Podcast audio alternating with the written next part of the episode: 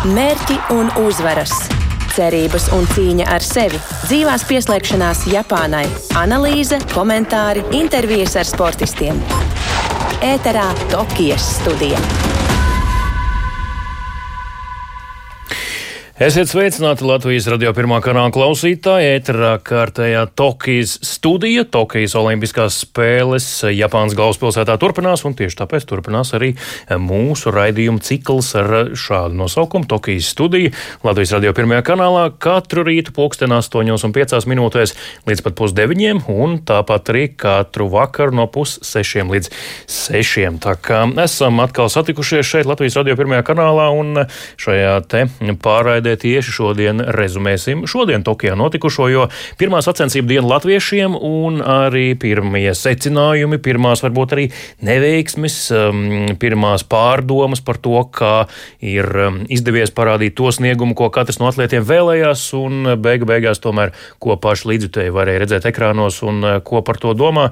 Um, tas, protams, pagaidām paliek pie jums, bet uh, neliela iesaiste un interakcija ir bijusi arī šeit ar Latvijas radio palīdzību, piemēram, sociālajā sociālās saziņas vietnē Twitter, bet līdz tam visam mēs vēl nonāksim. Sāksim ar šodienu, un šodien latviešiem, tātad, kā jau teicu, pirmā startu diena, jeb sacensību diena, un dienu agri no rīta piecos uzsāka 3 pret 3 basketbola izlase, spēlējot pret poļiem, kas alaži bijusi, bijuši sīksti pretinieki latviešiem, un šoreiz uzvar ar 21 pret 14. To jau arī rīta Tokijas studijā ziņojām un arī rezumējām, bet, nu, diena nesa tad arī otro spēli 3 pret 3 basketbola izlasēji, eh, tur, diemžēl, diemžēl mm, bija eh, jāsamierinās ar zaudējumu, bet eh, tas nebija ar mm, pretinieku bēļu ļoti lielu, milzīgu pārsvaru, tā ka būtu jānokar galvas, un tagad šņukstošiem jāiet ģērbtuvēs. Puiši, visi četri izlases, Latvijas izlases dalībnieki bija pietiekami sprigani un ņīpri pēc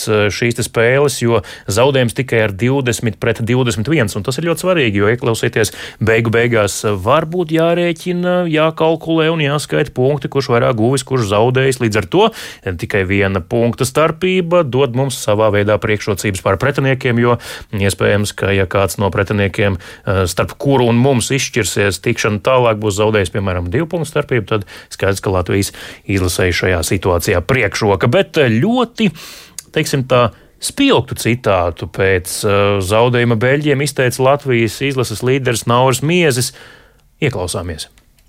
Zinām, ka viņi ir labi aizvadījuši sezonas sākumu, labi startējuši un labiem metējiem, labiem sniperiem. Un, un, bet vienalga, tas viens uh, pamanījās mums iemest, es tur īsti negribu minēt, bet nu, seši divpunktniekus. Tas ir šausmīgi daudz, un tā nedrīkst būt. Un, uh, divas rupjas kļūdas no manas puses, viena un uh, no Agņa puses. Es ceru, ka uh, treneris mums iedos kārtīgi pausīm, lai tas nekad vairs neatkārtotos. Un, uh, mēs nedrīkstam pazaudēt spēlētāju spēles situācijā. Nu, mēs spēlējām agresīvi, mēs centāmies traucēt katru metienu, bet uh, nu, ko tu padarīsi, uh, ja šodien uh, puika ir uz, uzčurājis uz rokām, kā saka, un, un, un nekas nav ko bēdāties. Jāstāsta nu, tā pozitīvā puse, ka mēs esam iemetuši 20 punktus. Ja tur skai, sāk skaitīt. Uh, tur tās uzvaras un zaudējumus. Un, un, un interesantākais tas, ka šajā sportā skaita iemestos punktus. Tas mums būs plusiņš. Esam piecus gadus esam profesionāli spēlējuši, un, un, un mēs zinām, kā tas jādara. Protams, mums ir fizioterapeits, mums ir fizioterapeits treneris un pats treneris un ārsti. Zinām, ko darīt.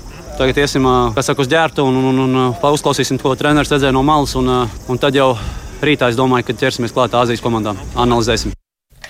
Tālāk Latvijas 3 pret 3 basketbola izlases līderis Nauris Miezis par zaudējumu Beļģijai, kas tātad piedzīvots šodien 20 pret 21. Nu, radio klausītājiem jāpaskaidro, uzčurāt uz pirkstiem basketbola terminoloģijā nozīmē neko nepiedienīgi. Tas nenozīmē, tas vienkārši nozīmē, ka rokas ir karstas. Nu, kā tai senajā dziesmā dzied, es tik lādēju, es tik lādēju, es tik pielādēju un šauju. Tā arī acīm redzot, šodien Nauris Miezis varētu raksturot to, kā gāja Beļģijas komandas līderiem šajā te mačā priekšā, bet um, katrā gadījumā tas vēl neko nenozīmē, kā jau minēju, viss tikai priekšā un nākamās divas spēles rītdien, kā jau Nauris Miezes sacīja, Latvijas 3 pret 3 komandu Tokijā gaida Āzijas cikls, tāds uh, nu, dubult duelis pret Āzijas komandām. Vispirms 6 no rīta pēc Latvijas laika Latvija-Ķīna, pēc tam Latvija-Japāna. Un uh, tas gan um, vakar pusē pēc Tokijas laika pus uh, nu, mūsu gadījumā tas ir um, par sešām stundām agrāk. Bet, jā, Par to domāsim rītdien. Tagad eh, ieklausāmies, eh, turpinām iepazīt arī Latvijas 3x3 izlases spēlētājus un iepazīsim Kārli Paulu Lasmani. Viens no komandas līderiem ir arī viņš. Kas viņš ir? To jau tūlīt klausāmies. Sportista vizītkārte. Ventspilnieks Kārlis Pauls Lasmanis ir jaunākais spēlētājs 3 pret 3 basketbola komandā, bet komandas biedri viņu dēvē par punktu mašīnu.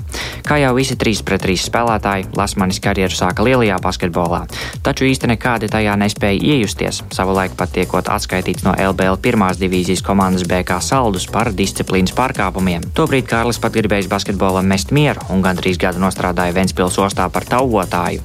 Taču tieši 3 pret 3 basketbols Lasmanim palīdzēja atgriezties lielajā sportā. Kārlis nāk no ļoti sportiskas ģimenes. Viņa māsa Rūta šogad izcīnīja medaļu Eiropas U23 čempionātā trīsvēlēkšanā, bet tēta Uģis savulaik spēlēja gan basketbolu, gan piedalījās divās olimpiskajās spēlēs kā airētājs. Protams, tas ir ļoti jauki, ka var paturpināt šo ķēdīti. Es domāju, vecāki ļoti lepojās, un uh, tas ir ļoti jauki un nozīmīgi. Bet no otras puses, skatoties, skaisti tas, ka mums uh, tajās olimpiskajās spēlēs ir astoņas komandas. Tas nozīmē, ka mēs jau automātiski esam astoņniekā. Mm. Mans tēvs bija devītais abās reizēs. Nu, tā kā es jau esmu viņam ielicis.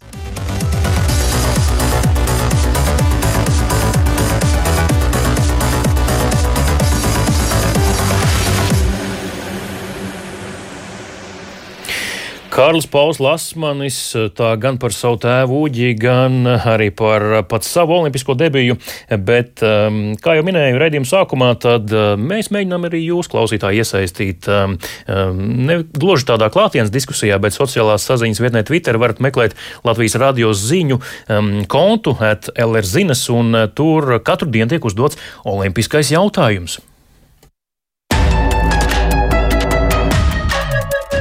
Prognožu jautājums.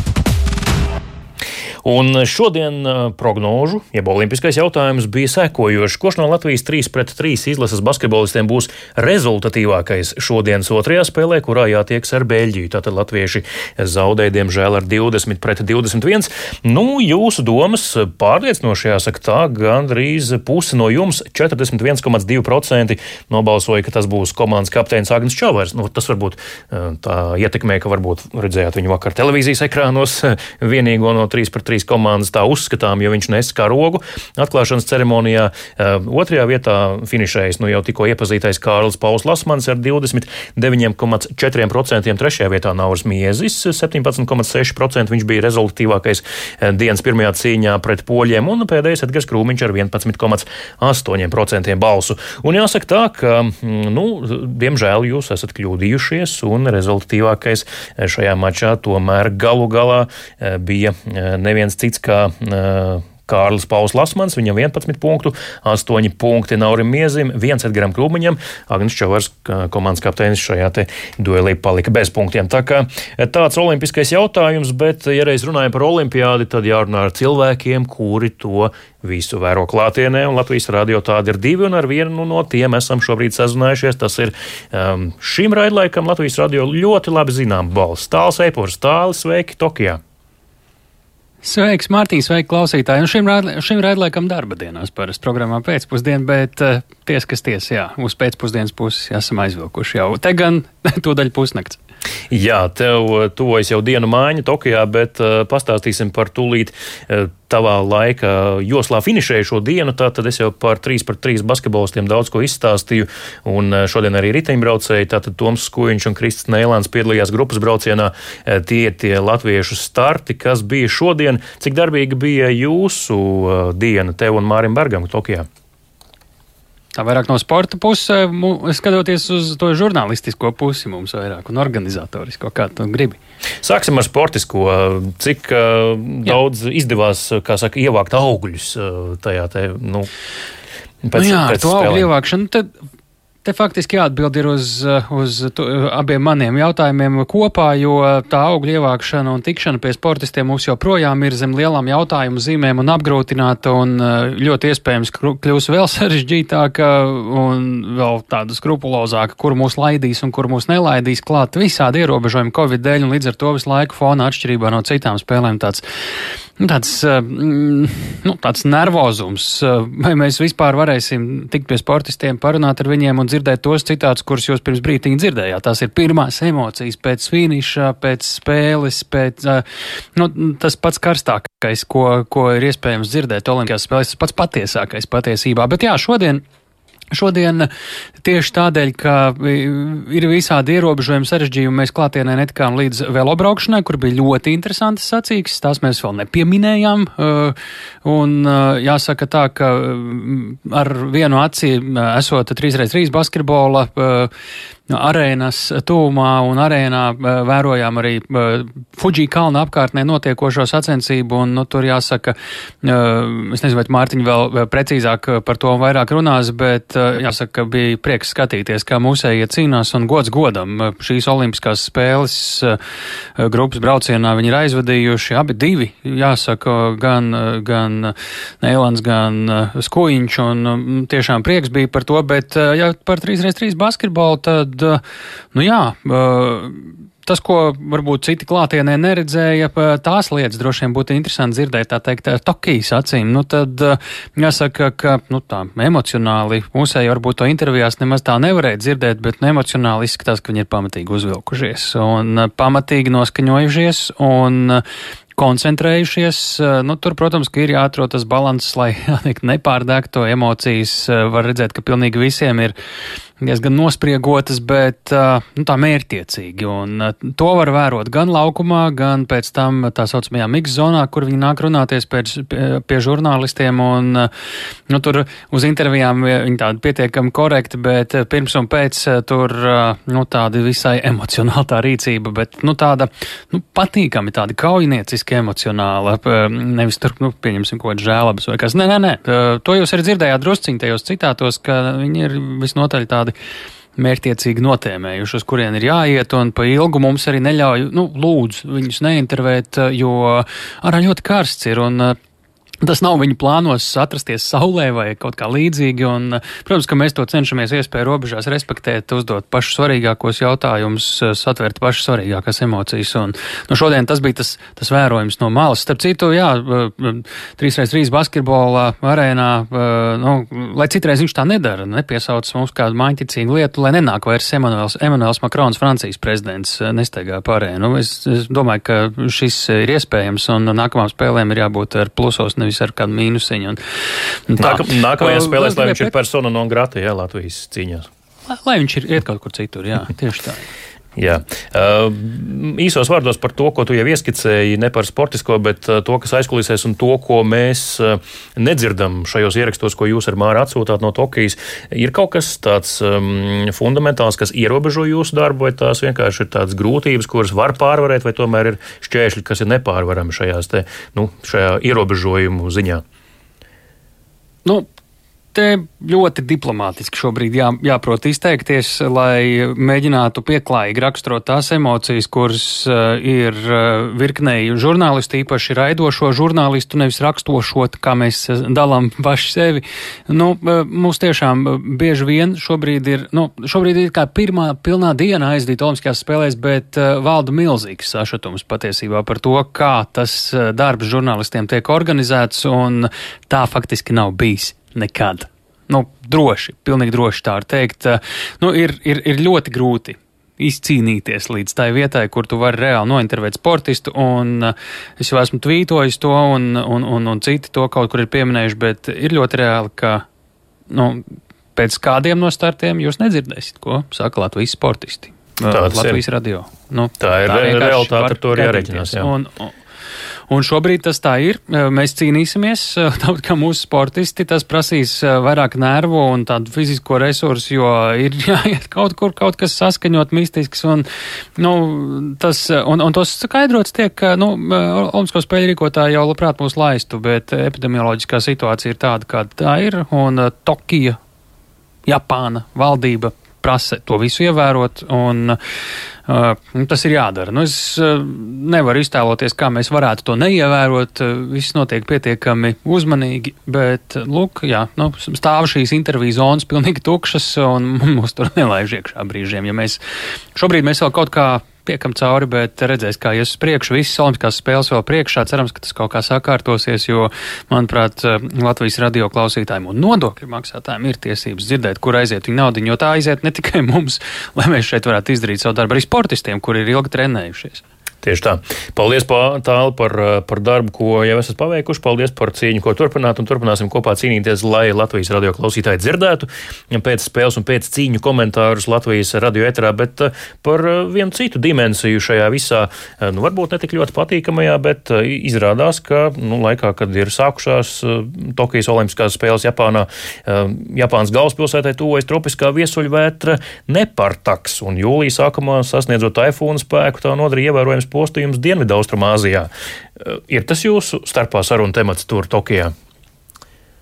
Nu, tik daudz, cik vai kāda spēle vai kāda sacīkste tiks vai netiks atcelta, es tā kā saprotu, ka, uh, nu, te varētu būt par kādu 27. 28. jūliju runa, bet jā, nu, parādās jau šur tur ar garām ejot televīzijas ekrānos kadri no iepriekšējās vētras, kur te Japānas, ja nemaldos, dienvidus, tās dažas salas skāra ar izgāstiem kokiem, tur bija skati, bet uh, Tokijā, jā, tuvojas viens taifuns, kā Japānā to sauc, viesuļvētras, un, nu, skatīsimies. Man patiesībā ir tāda, nu, ziņkāri, kā tas varētu būt, bet, nu, tie lielākie, stiprākie vēja brīdinājumi bija, man liekas, brāzmās 30 metri sekundē, un, man liekas, liepainieki pas tā teikt, uzvilktu vienkārši bišķi mēteli. Tā tāda brīzīte, jā, tā tā liepājas brīzīte maziņa. jā, nu. Nu, redzēs, redzēs, ko tas nozīmē. Varbūt es vēl neesmu iepazinies ar to visu, jo, nu, mums, kā te iepriekšējais mūsu sarunas apspriestais jautājums liecināja, pagaidām man īpaši uztrauc, bet, nu, gan jau. Jā, šobrīd es saprotu, vēl nepūš, bet varētu pūst otrdien ne, vai trešdien. Nē, nē, ir joprojām ļoti karsts.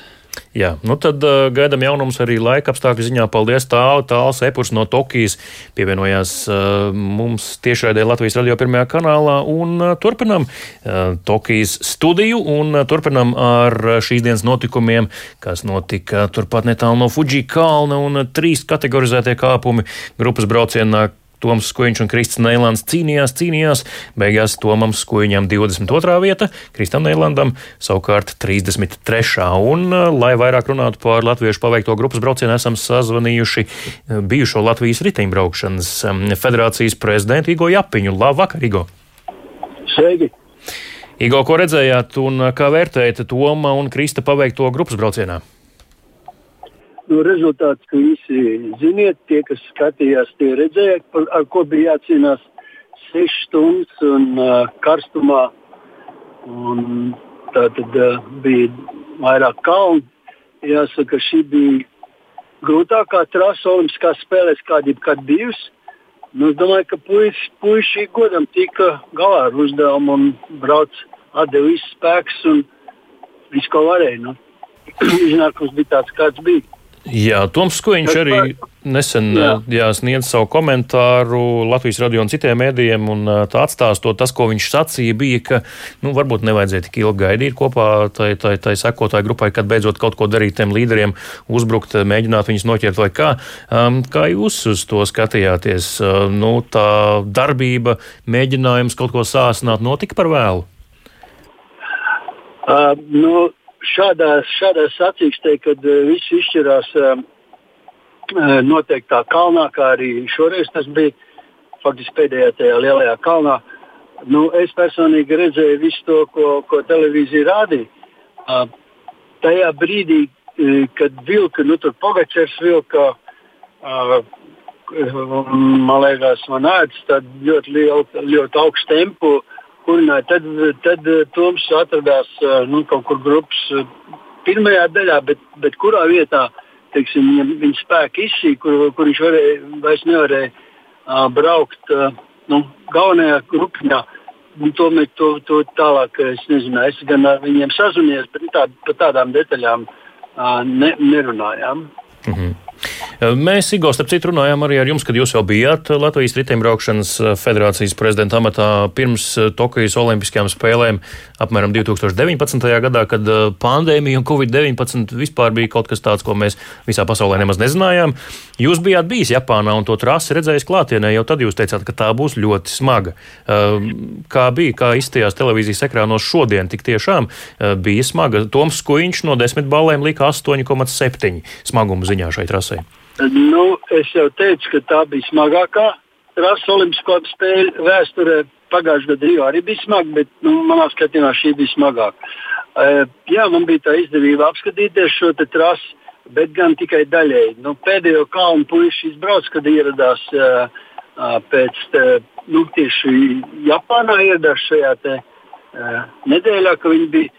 To viņiem izdevās apskatīt, nu, izbaudīt tā rītīgi, protams, ka, ka nevarēja. Tad, tad, tas ir tas ir grūti. Tad, tad vienkārši tur uzbrauc un apskatās, lai vismaz kaut kas būtu saprotams. Bet, bet visi tie notikumi jau notika tad, kad tu esi jau gandrīz jau 200 km nobraucis un tad tev.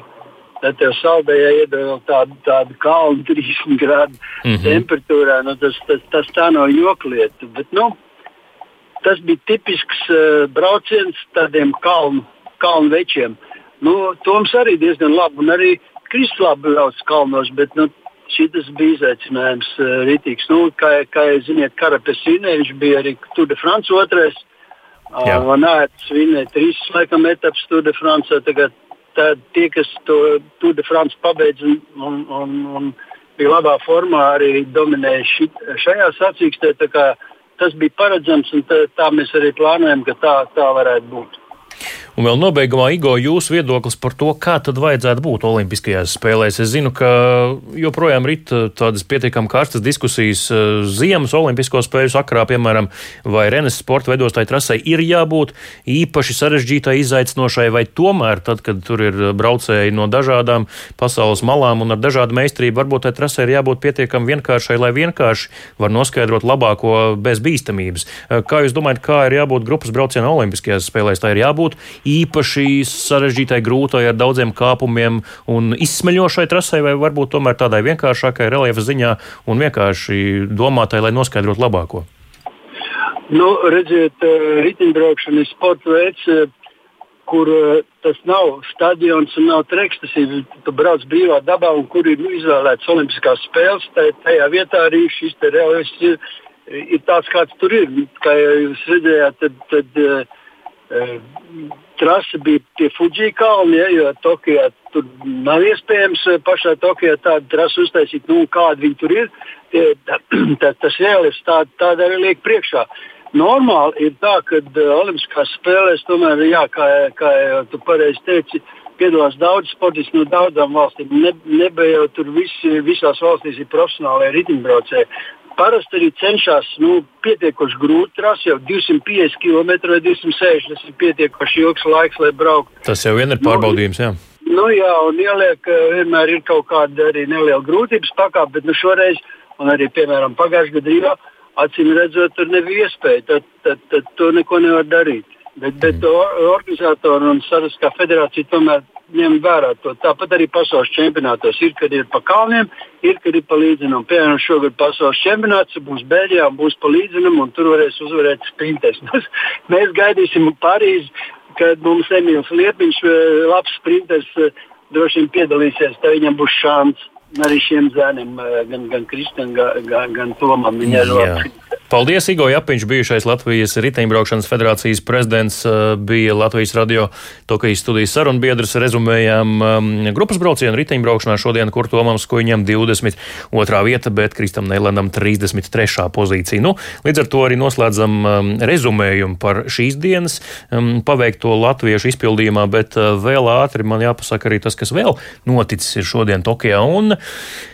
Ak, vai droši vien daudz no jums šobrīd bēdāsies, šķendēsies, spļaudīsies, sitīs pa galdu ar dūri vai ko citu darīs aiz dusmām, jo tā bieži vien ir, ja atkal kāds pasaka, ka Igaunijā kaut kas ir labāk. Lai gan Igauni paši domā, ka mums ir pat labāka ekonomika un ceļi, kas ir tā mm, pietiekami diskutabli no mūsu skatu punkta, bet tomēr, un atkal, nu, dažam labam varbūt jāsit dūri galdā un jāsaka, Igaunijā viss ir labāk, jo šodien Igaunijai arī pirmā olimpiskā medaļa, proti to viņiem izcīnīja mm, paukotāji paukošanā ar špagu un uh, var kārt kaklā uh, un jau ir precīzāk sakot, uzkārus kaklā mm, olimpisko bronzu Katrīna Lehis šodien. Jā, tātad viņa ciņā par trešo vietu ar 15,8 pārspēju Krievijas Olimpiskās komitejas paukotāju Aizanatu Murtazājevu. Un līdz ar to Igaunijai pirmā medaļa mēs vēl gaidām. Mums gan šodien tikai arī viena iespēja bija iegūt medaļu, tātad grupas braucienā riteņbraukšanā, tas mums neizdevās, mm, bet, protams, ka Igaunijai konkurence bija ievērojami mazāka, lai iegūtu medaļu, bet priecājamies par kaimiņiem, gaidām mūsu pašu un arī lietuviešu medaļas un, un virzāmies tālāk jau ar skatu rītdienā. Un rītdien latviešiem Starti, kā jau minēju, arī 3 pret 3 basketbolā. Āzijas diena gan pret Ķīnu, gan Japānu jāspēlē Latvijas 3 pret 3 izlasē. Un tenis sākas Latvijas cerības, Anastasija Sevastova un arī Aļono Stapenko rīt sāk tenis turnīru. Vispirms pirmā kārta. Anastasija Sevastova dosies 6. kortā pulksten 5 no rīta pēc Latvijas laika un tiksies ar francūzieti Fionu Ferro, bet savukārt Aļono Stapenko uzreiz pēc tam, kad Anastasija Sevastovai mačs būs beidzies, arī kāps uz 6. korta un spēlēs pret Krievijas Olimpiskās komitejas pārstāvju pārstāvi Jeļenu Vesņinu. Bet tā kā Anastasijai mačs pirmajai, tad noklausāmies viņas olimpisko vizītkarti. Sportista vizītkarte. Tenisistei Anastasijai Sevastovai Tokijā gaidām olimpiskā debija. Viņa atzīst, ka bērnībā skatījusies tenisa mačus Olimpijādē, sapņojot, ka kādu dienu nokļūs šajā sporta fórumā. 31 gadu vecā Anastasija jau pagājušajā gadā izlēma, ka pavaroties iespējai, noteikti dosies uz Tokiju pārstāvēt Latviju. Es, es vienmēr skatījos Olimpijādu televīzijā, un, un tas vienmēr bija kaut kas, jā. Es, ne, es nedomāju, ka es tur tikšu, jā, bet uh, tenis ir tagad olimpiskais sports, un jā, to iespēju vajag ņemt, un man ir 31 gads, tāpēc jā, kaut kādi jau ir beigas. Jā. Sevastova ir no Liepājas un tieši šajā pilsētā uzsāka savas gaitas tenisā. Viņas pirmais treneris bija Edgars Ernestsons, bet visvairāk sportistas profesionālo karjeru esot iespaidojusi Omīte. Anastasijai brīvajā laikā patīk rušināties dārzā, iet pārgājienos, spēlēt golfu un nodarboties ar kalnu slēpošanu. Tokijā Nastju atbalstīs viņas treneris un dzīves biedrs Ronijs Šmits. Olimpiskais tenisa turnīrs dāmām sāksies jau nākamajā dienā pēc spēļu atklāšanas ceremonijas 23. jūlijā. Anastasija Sevastova, daudziem jau zināma, bet uh, caur šo olimpisko vizītkarti iepazinām viņu vēl tuvāk. Tātad Anastasija Sevastova rīt pulksten piecos no rīta atkal agri jāceļas. Tāds nu būs uh, sporta līdzjutēja liktenis Tokijas olimpisko spēļu laikā. Bieži vien, ja gribēsiet vērot Latvijas sportistu startus, tātad pulksten piecos no rīta jau rīt pret francūzieti Fionu Ferro Anastasija Sevastovai pirmās kārtas mačs tenis turnīrā. Pēc tam tātad Aļono Stapenko tajā pašā kortā spēlēs pret Krievijas olimpiskās komitejas komitejas sportisti Ieļenu Vesņinu. Eh, savukārt mm, pēc tam, kad abas Latvijas vienspēļu pārstāvs būs aizvadījušas savus mačus pret pretiniecēm, dubultspēļu turnīra spēle, um, un Ostapenko kopā ar Sevostovu spēkosies ar austrālietiem Samantu Stosuru un eh, Elenu Pēresu. Redzēsim, kā tur veiksies, un um, līdz ar to, ja reiz iepazinām Anastasiju Sevostovu, jāiepazīst arī Aļona Ostapenko. Sportista vizītkarte. Tenisiste Aļona Stapenko Tokijā piedalīsies savās otrajās Olimpiskajās spēlēs. Pirmais mērķis noteikti būs uzlabot pirms pieciem gadiem Rio de Janeiro iespēto, kur viņai nācās izstāties jau pirmajā kārtā. Kopš tā laika Aļona ir guvusi ļoti augstus sasniegumus. 2017. gadā triumfējusi Grand Slam turnīrā French Open, bet gadu vēlāk ielauzusies arī pasaules ranga pieciniekā. Turklāt šī gada Olimpiskajās spēlēs viņa būs arī viena no Latvijas delegācijas karognesējiem. Ārpus tenisa Ļonai ļoti patīk arī sporta dēļas, mūzika un lasīšana. Viņas māma Jeļena Jakovļeva ir arī viņas trenere, bet tētis Jevgenijs savulaik bija profesionāls futbolists Ukrainas klubā Zaporīžas Metalurga. Pārliecību Tokijā Ļonai noteikti dos nesen izcīnītais tituls pēc pusotra gada pārtraukuma uz zālē seguma Istbornā. Daudzi sportisti sapņo par to. Man ir vienmēr bijis liels gods pārstāvēt savu valsti un uh, arī nest karogu, ka man bija tāda iespēja. Es esmu ļoti priecīga un uh, bija ļoti daudz pozitīvas un, un labas emocijas šodien. Man tas ļoti, ļoti patika.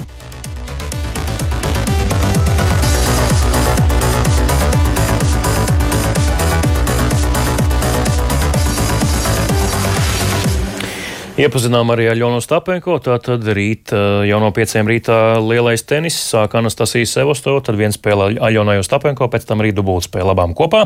Vēl rīt basketbols 3 pret 3, Latvija pret Ķīnu, Latvija pret Japānu pirmā spēle 6 no rīta. Un arī, protams, vēl agrāk 3 no rītā Gatai Rašmanai šaušana 10 metru distancē ar pistoli. Arī viņai, protams, sekosim līdzi un um, rezumēsim daļu no šīm sacensībām jau rīt Tokijas studijā. Šajā studijā studijā šovakar šeit biju es, Mārtiņš Kļavinieks. Paldies, ka klausījāties un tiekamies jau rīt no rīta.